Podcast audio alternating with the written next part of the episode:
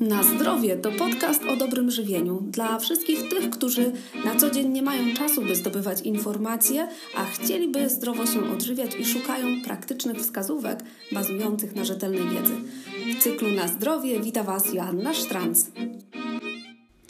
Jedzenie jest bardzo obszernym tematem i to nie tylko dla dietetyka, dla każdego z nas. Zastanówcie się sami, ile czasu w ciągu dnia poświęcacie na myślenie o jedzeniu, ponieważ każdy z nas coś zjada. Zjadamy coś w domu, w szkole, w pracy, na przerwie. Zastanawiamy się, czym poczęstować naszych gości, co przygotować na śniadanie, co przygotować na obiad, jakie zakupy spożywcze zrobić, gdzie kupić, co kupić, jakiej jakości, którzy producenci są lepsi, gorsi i tak dalej wokół tego wszystkiego panuje bardzo dużo mitów. Jedni mówią, to jest zdrowe, nie, nie, nie, tego nie jest, to nie jest zdrowe.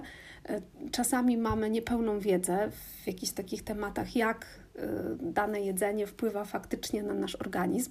Ulegamy też różnym modom czy wpływom reklamy i okazuje się, że czasami jesteśmy po prostu bezbronni jako zwykli konsumenci, jako klienci, którzy kupują produkty spożywcze i je potem spożywają. I czasami, jak sobie obserwuję, co mamy na półkach w sklepie, czy co pojawia się w reklamach, to powiem Wam, że otwiera się nóż w kieszeni i y, czasami mam ochotę podejść do kogoś, jak widzę, że kupuje taki bubel i powiedzieć, że słuchaj, y, nie kupuj tego, bo, bo to tobie szkodzi, tak? bo to jest dla ciebie niewskazane. No i czasami mam takie dni, że mam odwagę i rzeczywiście zaczepiam kogoś w sklepie i gdzieś tam przekazuję informacje i wtedy ja przynajmniej mam czyste sumienie, że, e, że w zgodzie ze swoim sumieniem kogoś poinformowałam, co ten ktoś z tym zrobi, to już jest jego sprawa. Ale no też nie zawsze mam tak, jakby to nie jest moja rola, żeby iść do sklepu i teraz uświadamiać każdego, kto stoi obok mnie przy półce i się zastanawia, e, wziąć to czy nie brać tego, albo nie zastanawia się, tylko po prostu pakuje tak bezwiednie. I to, co mogę zrobić, to mogę na przykład przy pomocy tego podcastu poopowiadać Wam o takich bublach, o takich właśnie pułapkach, żeby Was przestrzec, żebyście podejmowali bardziej świadomie decyzje i żeby, żebyście dzięki temu też e, trochę bardziej zadbali o siebie, o swoje dobro i o swoje bezpieczeństwo, bo to też o to tutaj chodzi. Przechodząc do konkretów, podzielę się z Wami taką moją osobistą historią, doświadczeniem, kiedy moje dzieciątko pierwsze było jeszcze bobasem i tym samym smakoszem takich kaszek, e, żeby nie podawać tutaj żadnych nazw, marek, takich kaszek, które zalewamy, czy dosypujemy je bardziej do, do mleka czy wody już o odpowiedniej temperaturze. Kilka razy zamieszamy, odstawimy na minutkę, dwie i ta kaszka gęstnieje i już jest gotowa do podania. I te kaszki mają najrozmaitsze smaki, najczęściej bananowy, malinowy czy jakiś truskawkowy. No i się, o, z jednej strony jest to produkt wygodny, dzieciom smakuje, więc czemu nie? No i, e, i moje dziecko oczywiście takimi kaszkami było karmione pierwsze dziecko. E, I no ale też chorowało, często chorowało, takie typowe infekcje, dla, które mają e, maluchy. I w tym samym czasie moja przyjaciółka też miała dziecko w tym samym wieku i myśmy stale były, e, jakby na, wisiałyśmy na telefonie i porównywałyśmy i szukałyśmy rozwiązań, co zrobić, żeby te nasze dzieci tak nie chorowały i tak dalej. I ona kiedyś poszła do e, pewnego lekarza starej daty, pediatry, który powiedział jej, że dzieciom nie powinno się dawać kaszki bananowej, tylko kaszkę z bananami. I ja Wam powiem, że jako taka trochę zawirowana młoda mama, która, um, która no, ma jakby inne priorytety w głowie, nie interesowałam się jeszcze wtedy tak bardzo jedzeniem. Aczkolwiek chciałam jak najlepiej dla mojego dziecka. No i kiedy ta koleżanka powiedziała, że kaszka z bananami, to ja Wam powiem, że szukałam w sklepie po prostu na tych samych półkach co zawsze kaszki, gdzie było napisane kaszka z bananami zamiast kaszki bananowej. Owszem, to jest głupota dzisiaj, tak, ale wtedy tak było faktycznie, tak postępowałam i ja nie wiedziałam o co chodziło temu lekarzowi. Dopiero po iluś latach yy, nagle oświeciło mnie i ta historia idzie ze mną, ponieważ mi pokazuje, że yy, każdy z nas może popełniać najrozmaitsze błędy żywieniowe i bardzo bym chciała, żeby cofając czas, te 11 lat temu ktoś obok mnie stanął w tej e, w tym sklepie, przy tej półce z kaszkami i mi otworzył oczy i mi powiedział: Słuchaj, to chodzi o to, że ty masz po prostu ugotować taką najzwyklejszą kaszkę z prawdziwego zboża czy z prawdziwego ryżu, klejk ryżowy. Po prostu weź trochę więcej ryżu, porządnie go opłucz, ugotuj go w większej ilości wody, tak, że go rozgotujesz i do takiego kleiku dodaj tego banana i będziesz miała czysty, prawdziwy kleik ryżowy z najprawdziwszym w świecie bananem, bez żadnych aromatów, bez dodatków, bez syntetycznych witamin itd. Tak A jeśli zależy Ci na dodaniu e, do posiłku Twojego dziecka witamin, czyli na tym, żeby ten posiłek zawierał te witaminy, to rozszerzaj tak tą dietę, żeby te witaminy były w naturalnych produktach. No ale wtedy nikt taki nie stanął obok mnie. Ja potrzebowałam iluś lat, żeby do tego dojrzeć. I dzisiaj mówię Wam, jeśli macie małe dzieci i rozszerzacie im dietę, to ja wiem, że te słoiczki, one są po coś, żeby ułatwić nam życie, żeby mm, ktoś, jakby mamy takie wyobrażenie, że ktoś za nas pomyślał, wybrał najlepszej jakości produkty, zbilansował dobrze te potrawy, które kupujemy w słoiczkach, że te dodatki tych wszystkich witamin, one mają na celu tylko dobro naszych dzieci. Nie będę z tym polemizować, ale chcę Wam powiedzieć, że nic nie zastąpi naturalnych produktów, dobrej jakości produktów, um, ugotowanie kaszki dla dziecka. Nie musicie codziennie gotować świeżej kaszki, ale możecie e, taką kaszkę ugotować raz na trzy dni. Możecie też włożyć do słoiczków, zapasteryzować te słoiczki, jeśli będziecie e, pewniejsi.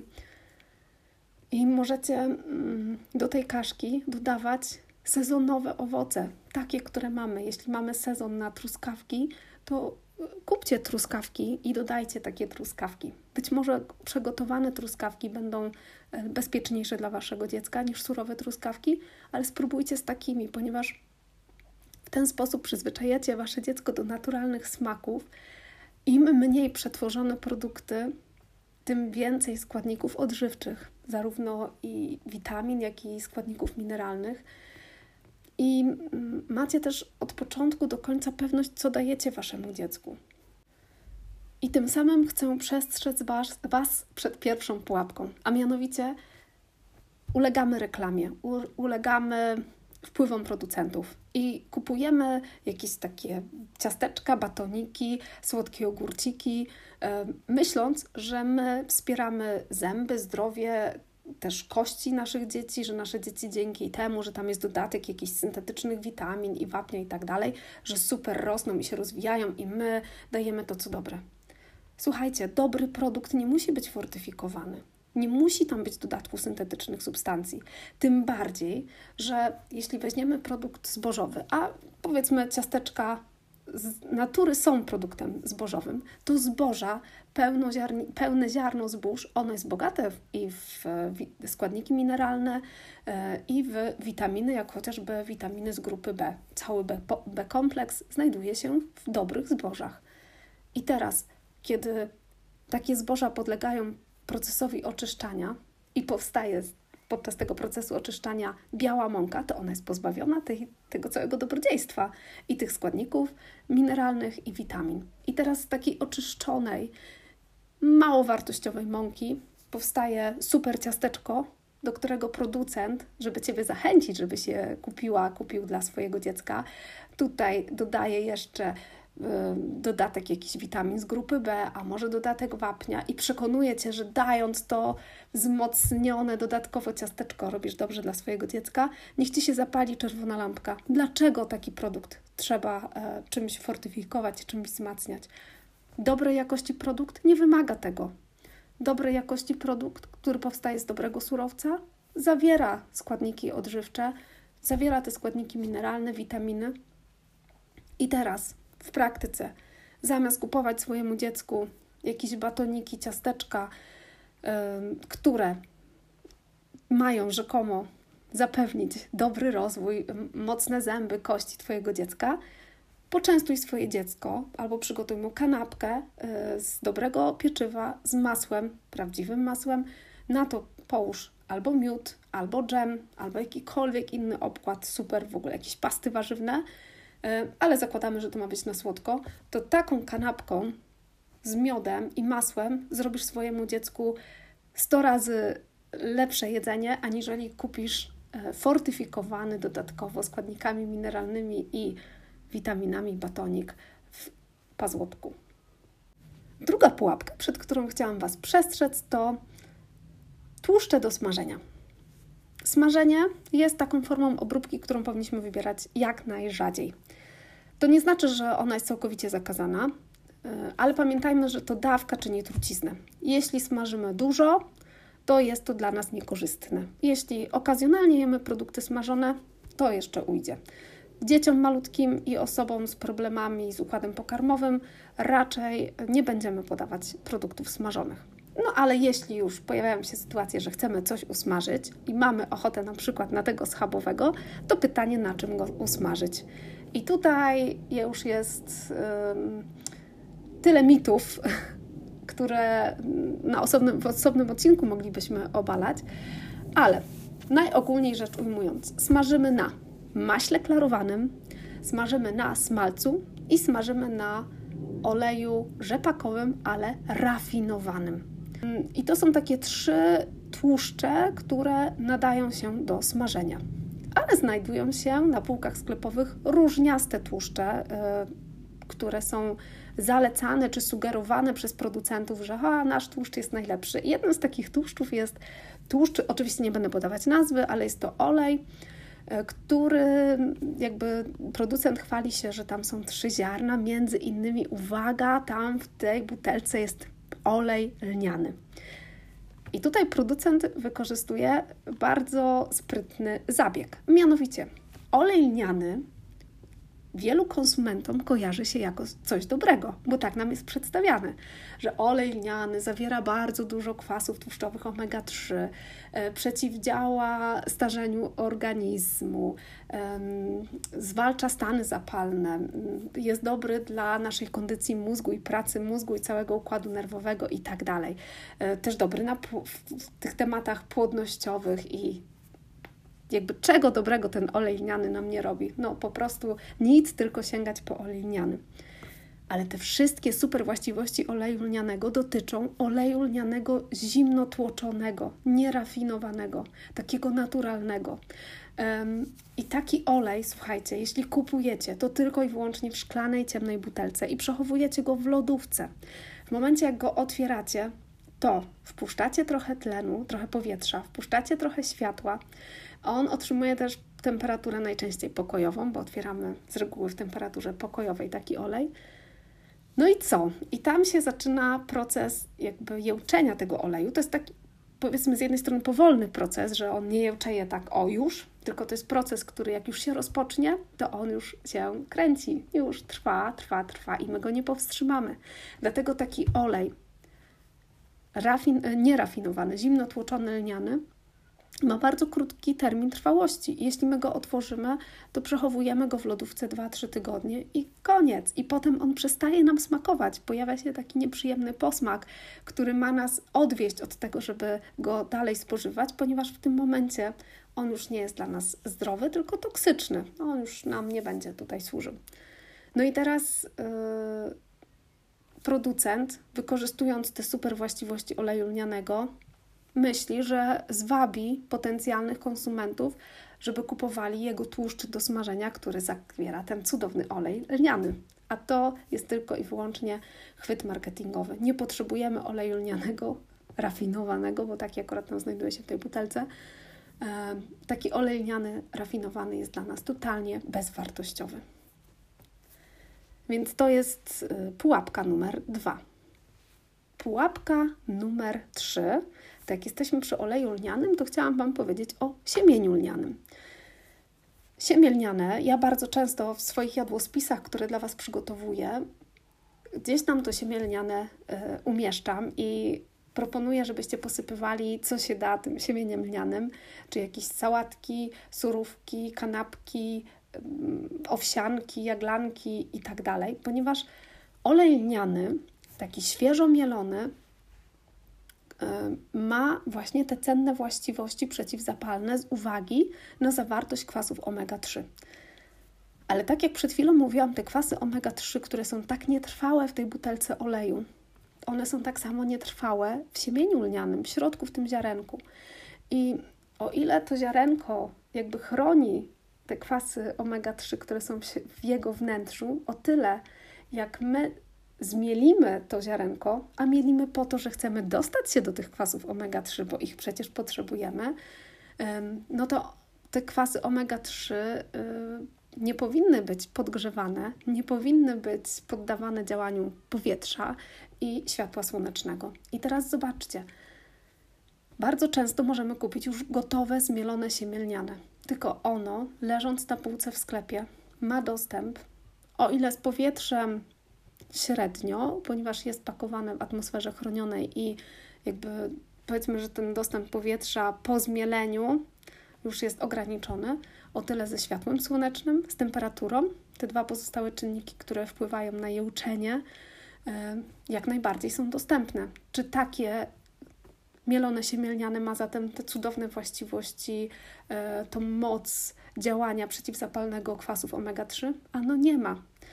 Więc jeśli kupujecie mielone siemielniane, to tylko i wyłącznie po to, żeby uzyskać z niego taką e, jego śluzowatość, ponieważ siemielniane ma dwie cenne właściwości. Z jednej strony jest źródłem kwasów omega-3, które chroni w swoim wnętrzu i tylko e, świeżo zmielone siemielniane dostarcza nam tych kwasów omega-3, a z drugiej strony siemię lniane jest dla nas źródłem surowców śluzowych, czyli takich surowców, które e, będą jak taki śluz powlekały i nasz układ oddechowy, ale też e, nasz układ pokarmowy. Doskonale wiedzą o tym osoby, które mają jakieś nadżerki na żołądku, albo bóle żołądka, albo wrzody żołądka, albo jakieś podrażnienie gardła, przełyku. Wtedy takie osoby chętnie sięgają po kisiel ugotowany na bazie siemienia lnianego. Po prostu gotujemy siemię lniane, 2-3 minutki, przecedzamy i wypijamy ten powstały kisielek i on pięknie powleka nam takim śluzem gardło, przełyk, żołądek. Też jeśli ktoś bierze jakieś leki, które podrażniają mu żołądek, też może wykorzystać ten kisiel powstały e, z wykorzystaniem substancji śluzowych w siemieniu lnianym. I teraz, jeśli zależy nam tylko na tych substancjach śluzowych, to ok, to siemię lniane, takie zmielone w paczce, weźmy, zagotujmy, może być. Ale te substancje śluzowe uzyskamy też z niemielonego siemienia lnianego. Jak zatem z tej pułapki wybrnąć? Jeśli chcecie korzystać z siemienia lnianego, a warto z uwagi na zawartość kwasów omega-3, to kupcie niemielone siemielniane, tylko całe i mielcie bezpośrednio przed przygotowaniem. Na przykład w młynku do kawy albo w jakimś takim blenderze. E, czasami są takie dostawki e, do ziół, one się świetnie nadają do mielenia. Jeśli może być tak, że wasza, wasz blender nie jest w stanie zmielić małej ilości, na przykład łyżki siemienia lnianego, tylko od razu większą, kilka łyżek, ok, zmielcie to, włóżcie do woreczka i przechowujcie w zamrażarce i wtedy wykorzystujcie tako, takie zamrożone siemielniane. Też tak możecie rozwiązać ten problem. Ale nie dajcie sobie wmówić, że mielone siemielniane i takie niezmielone siemielniane to jeden i ten sam produkt. Ma tutaj kolosalną różnicę skład, a mianowicie zawartość kwasów omega-3, które dla nas są bardzo, bardzo cenne. Czwarta pułapka żywieniowa, przed którą chciałam Was przestrzec, to produkty nabiałowe, czyli jogurty, mleka, sery. Pierwsza rzecz. Takie produkty są dla nas o tyle korzystne, że zawierają witaminy, które są rozpuszczalne w tłuszczach, czyli A, D, E, K. To są cztery witaminy, które mm, potrzebują tłuszczu, żeby rozpuściły się w naszym organizmie i żebyśmy mogli z nich skorzystać. I tu w nawiasie mała uwaga, jeśli ktokolwiek suplementuje witaminy A, D, E albo K, ale nie spożywa przy tym tłuszczu, no to niestety, ale te witaminy przez Was przelatują i niewiele z tego zyskujecie. Żeby te witaminy się rozpuściły, musi być tłuszcz. I to dotyczy też witaminy D, która jest dosyć na szczęście często w naszej populacji suplementowana.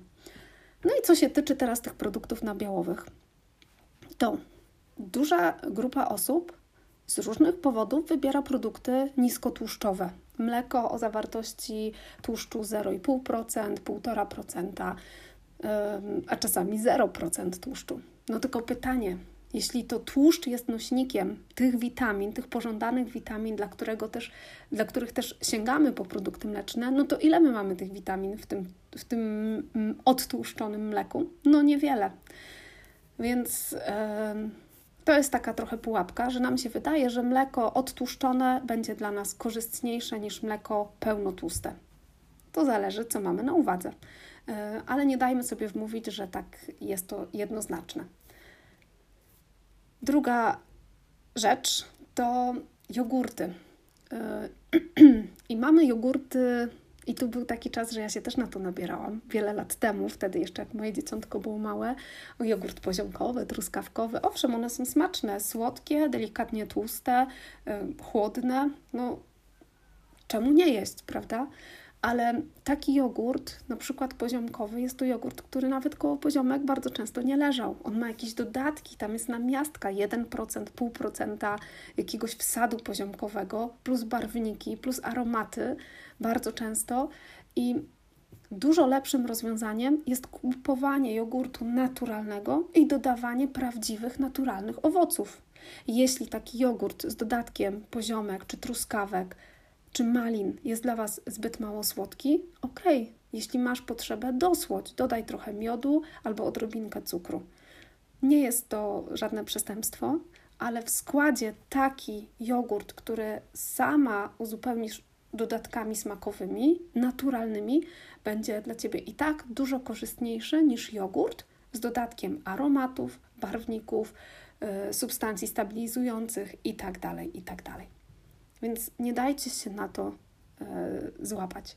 Kolejny mit dotyczący, czy taka pułapka dotycząca nabiału, to tak zwane mleko świeże.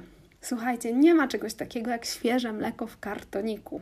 Świeże mleko jest tylko i wyłącznie bezpośrednio prosto od krowy, wtedy, kiedy ono jeszcze jest ciepłe, po prostu y, takim jej naturalnym ciepłem. I niektórzy na wsi być może jeszcze mają dostęp do takiego świeżego mleka, e, ale w mieście, czy jeśli ktoś nie ma po sąsiedzku krowy mlekodajnej, no to nie łudźcie się, że to mleko, które kupujecie w kartoniku czy w butelce w sklepie, ono jest świeże prosto od krowy. To tak nie działa.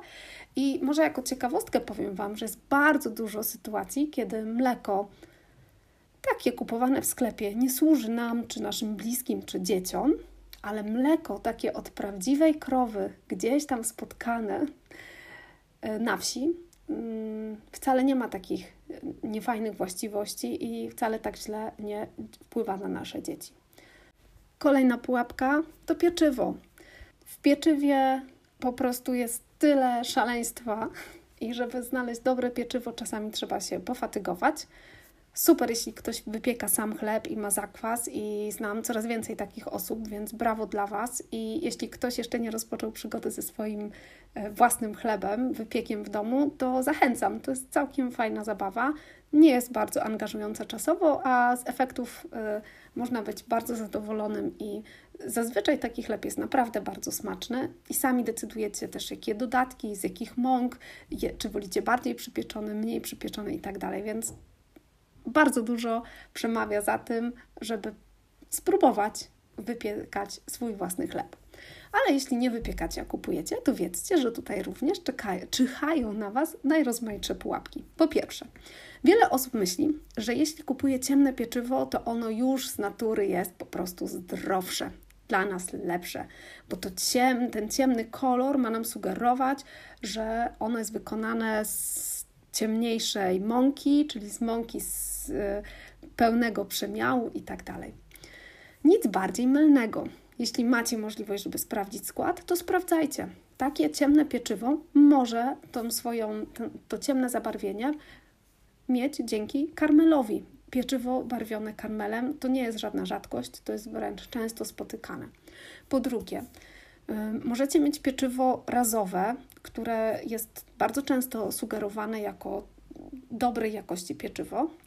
I na opakowaniu może producent podawać, że to jest pieczywo razowe, A wcale to pieczywem razowym nie jest, bo się może okazać, że tylko 30% tej mąki z całego pieczywa jest razowa, a reszta to jest zwykła mąka e, jasna, pszenna na przykład. I macie tak naprawdę chleb pszenny z dodatkiem mąki razowej.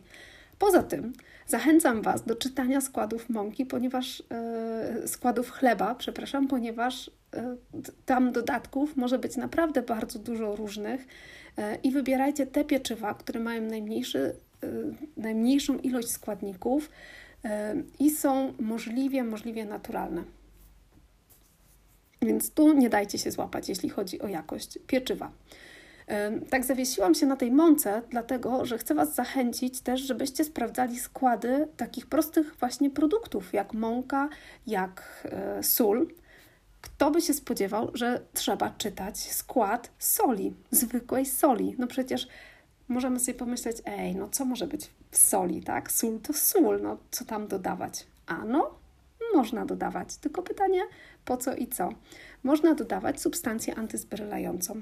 Czy my potrzebujemy antyzbrylacza? Jest to dodatkowa substancja chemiczna, która zaśmieca nasz organizm i której nie potrzebujemy. Jeśli Twój organizm w ciągu dnia dostaje bardzo dużo różnych substancji chemicznych, bo są one i w chlebie, i w jogurcie, i w jakichś słodyczach, i w przetworach, które zjadamy, i w wędlinach i tak dalej, to może się okazać, że chociaż tej soli, tej substancji antyzbrylającej nie ma za dużo, a może też nie używasz dużo soli, no że to już jest ta, ta kropla, która E, przelewa tą czarę, tak? Czyli sprawdzajcie, nie potrzebujecie soli z antyzbrylaczem. Taka sól bez antyzbrylacza 100%, na przykład sól kłodawska, ona też się tak bardzo nie zbryla. Super sobie radzi e, z naszą wilgotnością w powietrzu.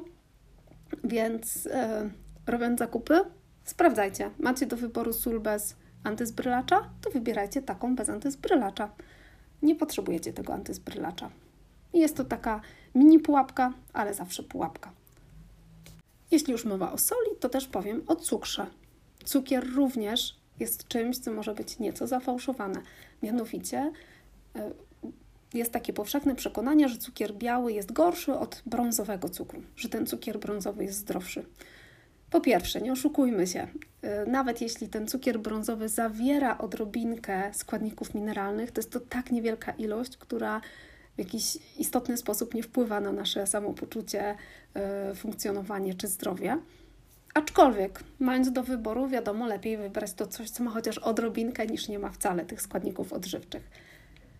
Ale bardzo często jest tak, że ten brązowy cukier, ten swój kolor, nie zawdzięcza go właśnie dodatk- czy jakby pozostałości składników odżywczych, e, tych składników mineralnych, tylko e, dodatkowi karmelu. Jest to po prostu biały cukier, taki rafinowany, e, który został przebarwiony karmelem, barwnikiem.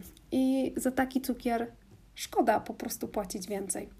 E, cukier to cukier, nie jest to jakby taka bardzo duża różnica jakościowa moim zdaniem, ale jeśli jest to różnica cenowa, to ja wolę nieoszukany cukier tańszy biały, aniżeli oszukany droższy cukier barwiony karmelem. To jak już tu opowiadam o różnych takich e, pułapkach żywieniowych, to jeszcze chcę Wam opowiedzieć o witaminach i minerałach, które dodawane są do różnych produktów po to, żeby zachęcić nas do ich konsumpcji, do ich kupienia. E, na przykład płatki kukurydziane, do których dodawany jest kwas foliowy. Uwaga! Może zaskoczy Was fakt, że kwas foliowy jest bardzo, bardzo nietrwałym czymś. I on się po prostu tak utlenia i jest tak niestabilny, że w momencie, jak wy otwieracie taką płatkę, e, paczkę z płaczkami kukurydzianymi, no to w tym momencie tam już nie ma tego kwasu foliowego, więc płacicie za coś, czego de facto nie możecie otrzymać, no bo to jest nie, nierealne, to się nie ma jak wydarzyć, tak? I mm, taka bardzo często łapiemy się na to, że coś ma dodatkowe witaminy, że producent zapewnia, że to zawiera jakieś składniki mineralne, no ale często tak nie jest, dlatego że te dodatki są albo niestabilne, tak może być, e, albo ich jest tam tak niewiele, że ta ilość jest zupełnie nieznacząca, albo o tym się bardzo rzadko mówi, a jest to też moim zdaniem bardzo ciekawy temat Czasami łączenie różnych składników mineralnych i witamin w takie kombo zestawy, jakieś multivitaminy, też na wiele się nie zdaje, bo y, bywa tak, że niektóre witaminy nie lubią się z innymi witaminami i teraz zawartość jednych sprawia, że drugie się nie wchłaniają i działają antagonistycznie. I jeśli to już tak a propos suplementacji, jeśli ktoś suplementuje różne y, składniki mineralne i różne witaminy, to wiedzcie, że nie warto tego robić tak na raz, jednym haustem, na przykład podczas śniadania, wszystko na raz, tylko to powinno być rozłożone y, na cały dzień,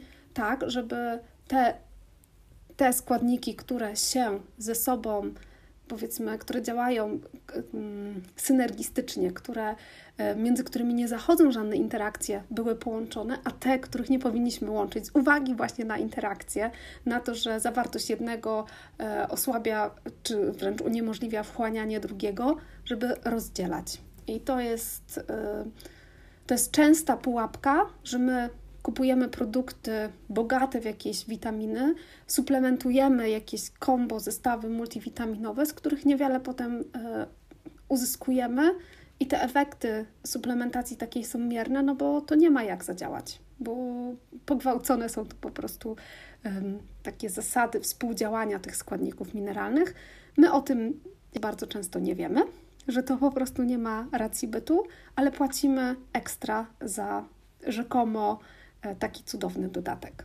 I na koniec chciałam powiedzieć o jeszcze bardzo ważnej, istotnej kwestii, a mianowicie o tym, że często mówimy czy słyszymy, że coś jest dla nas zdrowe albo niezdrowe. W dietetyce nie ma czegoś takiego. Zdrowy może być człowiek, albo ten człowiek może być chory. Jedzenie czy produkt spożywczy no nie może być zdrowy. On może być dla nas korzystny albo niekorzystny. I zasadniczo daleka jestem od tego, żeby mówić, że coś jest niezdrowe czy niekorzystne dla nas wszystkich, ponieważ każdy z nas ma inny stan psychofizyczny, inną kondycję ciała, być może inne jakieś dolegliwości zdrowotne, dysfunkcje i tak dalej, inne zapotrzebowania zupełnie.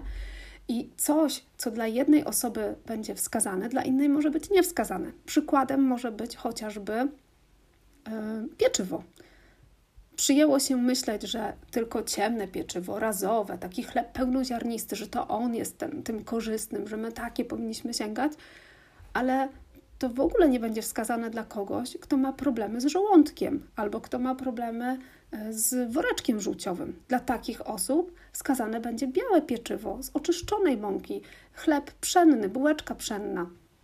Więc nie możemy powiedzieć, że to pieczywo jest ok, a to pieczywo nie jest ok dla każdego będzie dobre coś innego, w innych ilościach, w innej jakby postaci podane. I dlatego wystrzegałabym się przed takim demonizowaniem niektórych produktów. I moim zdaniem to jest największe zagrożenie, największa pułapka żywieniowa, że my tak stygmatyzujemy niektóre produkty, czyli podchodzimy tak zero-jedynkowo i na przykład niektórzy myślą, parówki są niezdrowe, bo parówki to mom, czyli to mięso oddzielone mechanicznie, e, czyli w sumie nie mięso wręcz.